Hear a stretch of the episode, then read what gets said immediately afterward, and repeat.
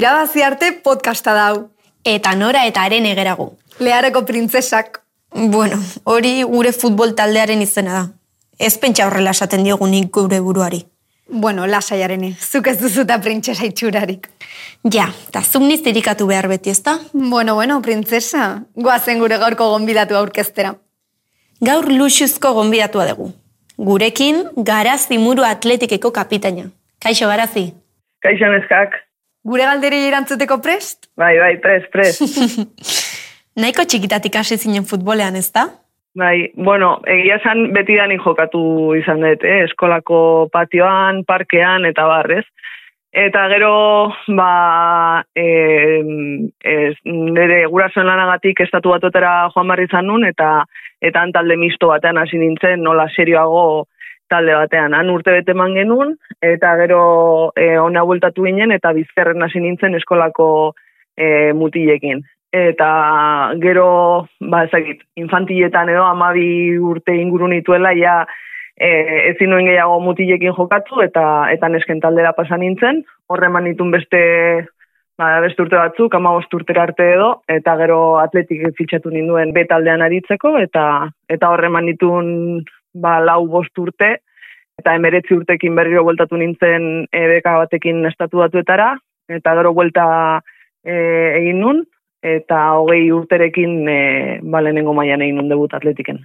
Ta zer da gehien gustatzen zaizuna zure klubetik? Ba, bueno, e, gauza asko ez, azkenean e, ba, ba oso, oso polita lehenengo mailan jokatzeko aukera e, izatea etxean, e, ba, bueno, e, aspaldi danik ezagutzen ditudan e, taldekidekin, eta, eta bueno, gero baita ere, ba, ba emakumezko futbolean, ba, ezakit, aldaketa edo evoluzio horretan, ba, nire karpena egiteko aukera, ba, ba egia esan oso ederra da. Eta aldaketa hori aipatu dezula, zen abaritu dezuzuk emakumen futbolean pixkanak aldatzen jundela?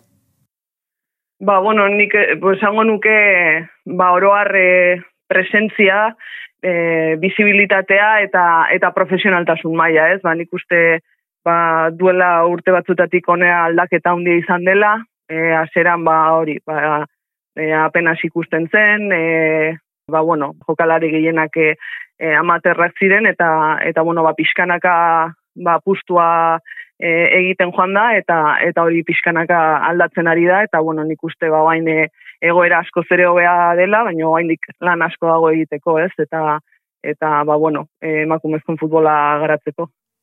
Ta nabaritzen duzu zu ere gehiago ezagutzen zaituztela? Bai, bai, bai, ia san e, e, ikusten duzu ez, geroz eta gehiago ba, jendeak iguale ba, ume, gaztek, e, e, kalean batzutan geratzen zaituztela barrazki bat ateratzeko, edo e, edo bueno, autografore matxinatzeko, e, gero baita ere estadio handietan jokatzeko aukera izan degunean, ba, ba eukidegun arrera oso sona izan da, eta, eta bueno, geroz eta e, jende gehiago etortzen da partidutara, eta e, esan dizuan bezala e, estadioetan jokatzen degunean, ba, ba, bueno, ba, jende asko etortzen da, eta zifrak eta ikusleak eta baita ere telebistako e, ikusleen e, datuak, ba, ba geroz eta hobeak dira. Bueno, ba hori ere da, zuek gauzak ere ondo egiten dituzuelako, ezta? Ba, bueno, nik uste mm, jende askoren lana dagoela, ez? E, garbi dago ba, ba jokalarien lana dagoela, e, urteetan zehar e, ba, ez derren truk e, jokatu duten jokalari asko izan direla, errekonozimendu oso txikiarekin, baina gero baita ere badaude klubetan eta eta erakunde desberdinetan ba, ba isilean lan handia egiten ari direnak ere, eta bueno, e, lan, lan guzti hori oso garrantzitsua da, ba, ba, bueno, ba, pixkanaka e, azten joateko, ez? Pausoak aurrera eman direla ipatuta, ikusi dugu duela oso gutxi sinatu zirela emakumeen futbola profesionalizatzeko estatutuak. Eta zuan egon zinen, ezta?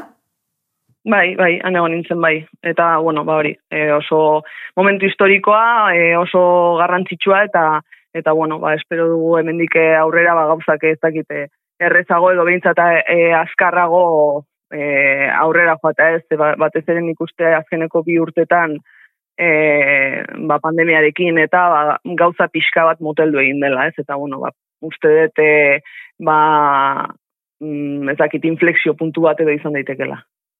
Eta zuk uste duzu aldaketa hori nabaritu egingo dela emakumen futbolentzako? Bueno, e, nik uste e, baietz edo ba, mm, promesa eta esperantza hori da, ez? E, e, ba, bera, adibidez, oain arte e, telebistaren inguruan e, ba, partidu gutxi ikusean izan dira, ba, telebista eskubideen inguruko e, gatazka bat egon delako, e, ba, federazioaren eta eta orain arte zegoen e, kluben elkartearen e, artean, eta ba bueno, orain nola elkarte berri bat osatu duten e, zeinetan klub guztiak dauden eta modu bateratuan saldu beharko dituzten e, telebista eskubide horiek ba, ba ziurrenik e, ba, gatazka horri amaiera mango zaio eta nik uste ba horrek bidea irekiko diola ba, gure partiduak e, e, basarriago eta modu erregularrago batean e, ikusi alizateari ez eta nik uste ba, ba zentzu hortan e, garrantzitsua izango dela, ze horrek baita ere baimenduko dugu, nola bizibilitate handiago izango dugun, ba, ba baliabide gehiago eta inbertsio gehiago eta erakartzeko ba, ba erresago izango dela. Bala, espero deu. Eta badago eman beharko zen beste aurrera pausu garrantzitsuren bat? Bueno, nik uste dena dijoala lotuta, ez, e, pixkanaka, pixkanaka. E, baina adibidez baita ere ustez garrantzitsua dela, ba, e, 2008an sinatu genuen hitzarmen kolektiboa ba, ba berritzea, ez, eta pixka bat ba, ba, lan baldintza horiek e, eguneratzea eta eta hobetzea, ez, e, azkenean ba, ba profesionaltasun e, maila zenbat eta handiagoa izan, ba, jokalariek ere jartzen dituzten edo jartzen ditugun baliabideak ere e, gerota gerota gehiago dira, ez? Eta orduan ba, ba bueno, balan baldintza hoiek ere e, hobetzen joatea ba, ba garrantzitsua da. Bai, bai, dudari gabe. Leheno esan dezun moduan, estatu batuetan ibili zinen, eta Eastin State University ere ibili zinen. Han emakumen bai. futbola desberdin hartzen da, edo, bueno, kontatu pixkan nolako esperientzia izan zen. Bai, ba, bueno, e, nahiko, nahiko desberdina da, ez? Eh? Han mm, futbola eta ikasketak e, uztartzeko unibertsitate mailan ni unibertsitatean egon nintzelako, pixka bate nola e, unibertsitateko taldean jokatzen dezun, ba, badana oso, oso ondo uztartuta dago, ba, e, kirola eta ikasketak bateragarri egiteko, ez? Eta gero, ba, bueno, orain ere ikusi da nola e, emakumezkoen selekzioak e, akordio batera iritsi den e, estatu batuetako federazioarekin, e, zeinetan, ba, bueno, soldata uh berdinak ordainduko zaizkien, eta eta bueno, e, aitortu dute ba orain arteko diskriminazioagatik e, ba kalte ordain bat ordainduko zaiela. Eta orduan ba bueno, ba hori ikusten da, ez? E, ba emakumezkoen futbolak estatuetan duen garrantzia eta gero baita ere ba ba sponsorrek eta emakumezko futbolaren inguruan egiten duten apustu handia Nikeek eta bueno, beste batzuetan. Eta esan duzu unibertsitatean ikasten ari zinela. Ze ikasi duzu? Bai. Ba, e, innun ekonomiako gradua, mm. eta orain e, zuzen bidea ikasten ari naiz, eta, bueno, alagarren baian nago, eta, eta ba, hori, bukatzen. Ta nola estartzen dituzu ikasketak eta futbol profesionala? Ba, bueno, mm, goizetan e, entrenamentuak e, ditut, eta e, ba, bueno, ba, justo orain e, lau kontan e, nola bukatzen ari naizen klase gutxiago ditut, e, eta bueno, e, adibidez e, joan den e, urtean, ba, ba, ratxaldetan eukitzen dituen klaseak, orduan, ba, bueno, ba, mm, pixka bat lasaiago hartuta, eta, eta bueno, ba, e, aldudan moduan uztartzen. Zu penalti jaurtitzaile famatu zara. Ze presioa, ez? Urduri jartzen zara? Ba, egia zan, e, pixka bat urduri jartzen naiz. Baina saiatzen naiz e, urduritasun hori, ba, bueno, e, niretzako gordetzen eta eta eta alik eta lasaien ejekutatzen e, jaurtiketa. Bueno, arene, galderekin jarraitu baino lehen, musika pixka bat jarriko deu? Noski, gaur bengoren kanta bat jarriko dizuet. Oiu!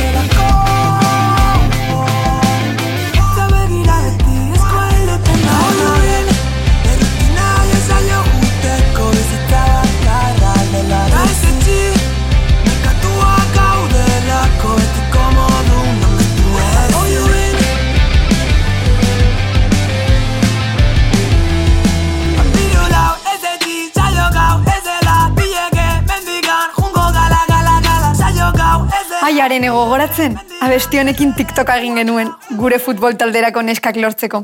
Noski, nola aztu. Eta lortu genuen, eh? Ez dakizu ez zenbat kostazitzaigun gure herrian nesken futbol taldea sortzea. Desesperatuta ibili ginen neskak bilatzen, eta gainea klubeko lehendakaria konbentzitu behar izan genuen. Zuk hasieran izan zenuen antzeko zailtasunik. Ba, bueno, e, Egia esan, gogoratzen naiz e, eskolan eta patioan eta lagunekin ari zen nintzenean mutilekin jokatzen nuen batez ere, eta e, nahi izan nuen eskolako taldean sartu, baino mm. klaseko mutilek ba, ez zuten oso ondo ikusi, e, barre pixkat eta guzti entzuten, eta bueno, azkenean ez nintzen ausartu pauso ematera. Eta gero, ba, bueno, baita ere askotan eukitzen genitun e, ordutegi txarrenak entrenatzeko eta olako, olako gauzak. Nik uste gehienoi tokatu zaizkigun gaiak direla, ez? E, pentsatzen dut eta pentsatu nahi dut gauzak aldatu direla eta eta bueno, ja mm, e, direla aino, e, horrelako gauzak ez direla ainoikoak, baino bai, bizi izan ditut. Bueno, guk ere bizi izan ditugu horrelako desberdintasunak. Eh? Bai, bai, baina begira noraino iritsi zean. Bai, bueno, baino, baino neri gustatuko litzaiake adibidez, ba, e, zuen belaunaldiak edo datozen mhm. belaunaldiek, ba, ba olako gauzak e, ez bizi behar izatea, ez? E, ba, bueno, e, aukera berdintasuna izatea eta bakoitzak e, praktikatu dezala askatasun guztiz nahi duen, nahi duen kirola edo nahi duen jarduera. Horretarako gaude borrokatzen. Hori da. Eta taldekiden artean ondo moldatzeko aholkuren bat emango zen iguke? Ba, bueno, nik uste me, taldean jarduerak egitea futboletik kanpo ba, oso ondo dagoela, ez? Ba, ba, fariak edo ba, e, elkarrekin egindako planak, festak edo lako gauzak ba, ba, asko laguntzen dutela. Orduan zuek farraren bat edo beste botako ez zu, ez?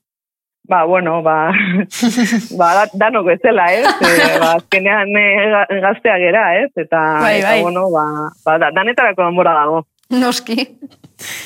Bueno, eta nera izagirrek esan zigun zelaira atera baino lehen realaren himno flamenko antzuten dutela. Zuek badezue horrelako iturarik? Bueno, guk musika ukitzen dugu jarrita aldagelan e, e, partiduen eta entrenamentu naurreti ba, askotan regetoia taulako gauzak eta e, e, bueno, elkarrekin kantatze ditun e, kantak, bueno, bueno e, musika e, oroar eta eta bueno, basaiatzen gera ba, zela alik eta aktiboen ateratzen. Aizue, badakizue? William Shakespeare filma ikusi nuen atzo, eta itak kriston presio handia jartzen zien tenisean onak izateko. Familiaren babesa izatea garrantzitsua da, baina inbesteko presio ere. Garazi zure familiak nola hartu zuen futbolera dedikatzea? Ba ondo, ia zan beti, beti babestu izan naute egin nahi izan dudan guztiarekin, ez? Eta beti animatu naute, ba bueno, nire ametsak eh, jarraitzera, eta, ba bueno, e, lan egitera, eta eta ondo pasatzera, ez? Eta, bueno, ba, zentzu hortan, e, ba, pen, ba, guztet suerte ongi izan dudala. Eta orain lagun artean gaudela kontatu. Baduzu hobi sekreturen bat edo egin duzun gauza bitxiren bat? Mm, ba, ia zan, denbora gehiena entrenatzen eta ikasten ematen dut. E, eta, bueno, ba, ez dakit e, musika entzuta gustoko dut eta bidaiatzea, baino la e, bestelako hobirik, ba, ia zan, ia zan ez. Eta nora gustatuko litzaizuke jutea, bidairen bat egiteko aukera bazenu? Ba, adibidez udan e, Berlinera joateko plana daukat, Coldplayen kontzerturan ere nire iparekin. Jo, ez guai. Taldekideen galdera. Bueno, eta astero galdera bat bidaltzeko eskatzen diegu gure futbol taldekidei. Gaurkoa leirek bidali digu. Kaixo garazi, zer moduz, leire naiz. Nire galdera urrengoa da. Suposatzen dut, ekipoan jolasten dezuenez, ba, akatsa bat egiten dezuenean, jakingu dezuela desberdintzen, akatsa ez dela zurea bakarrik izan, baizik eta talde osoarena, ez? Edo zure burua martirizatzen duzu. bueno, amila eske eragut.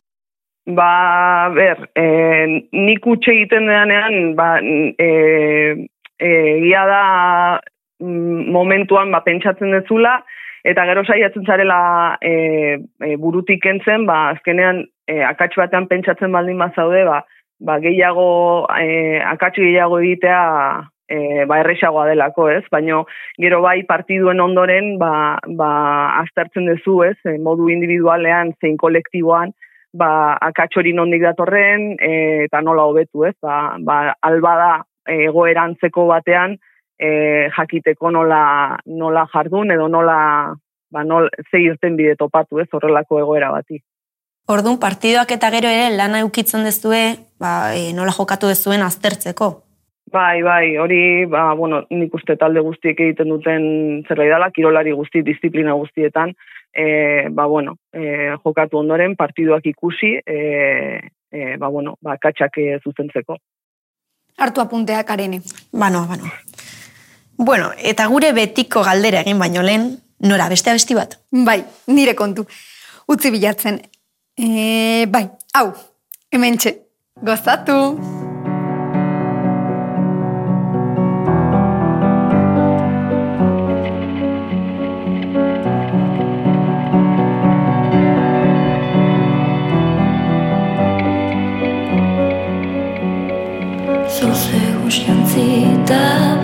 preciositat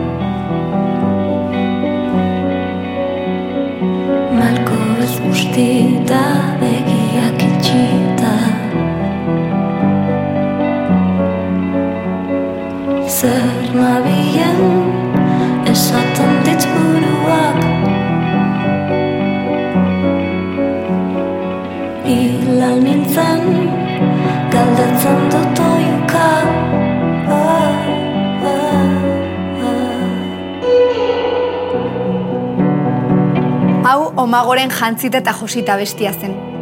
Eta orain bai, gaurko azkeneko galdera. Gure gonbidatu guztiei egiten diegu. Ze aholko emango zenioke zeure buruari ama urte baztenitu. Uf, ba, esango nioke e, gauzak e, lasai hartzeko, e, saiatzeko disfrutatzen, e, lan egiteko eta eta hori, e, ametxen atzetik e, joateko, baino, baino hori, baino gauzak e, lasai hartu. Bueno, ba, horea izan da zu ezalako futbolari hon eta jator batekin hitz egitea garazi. Eskerrik asko.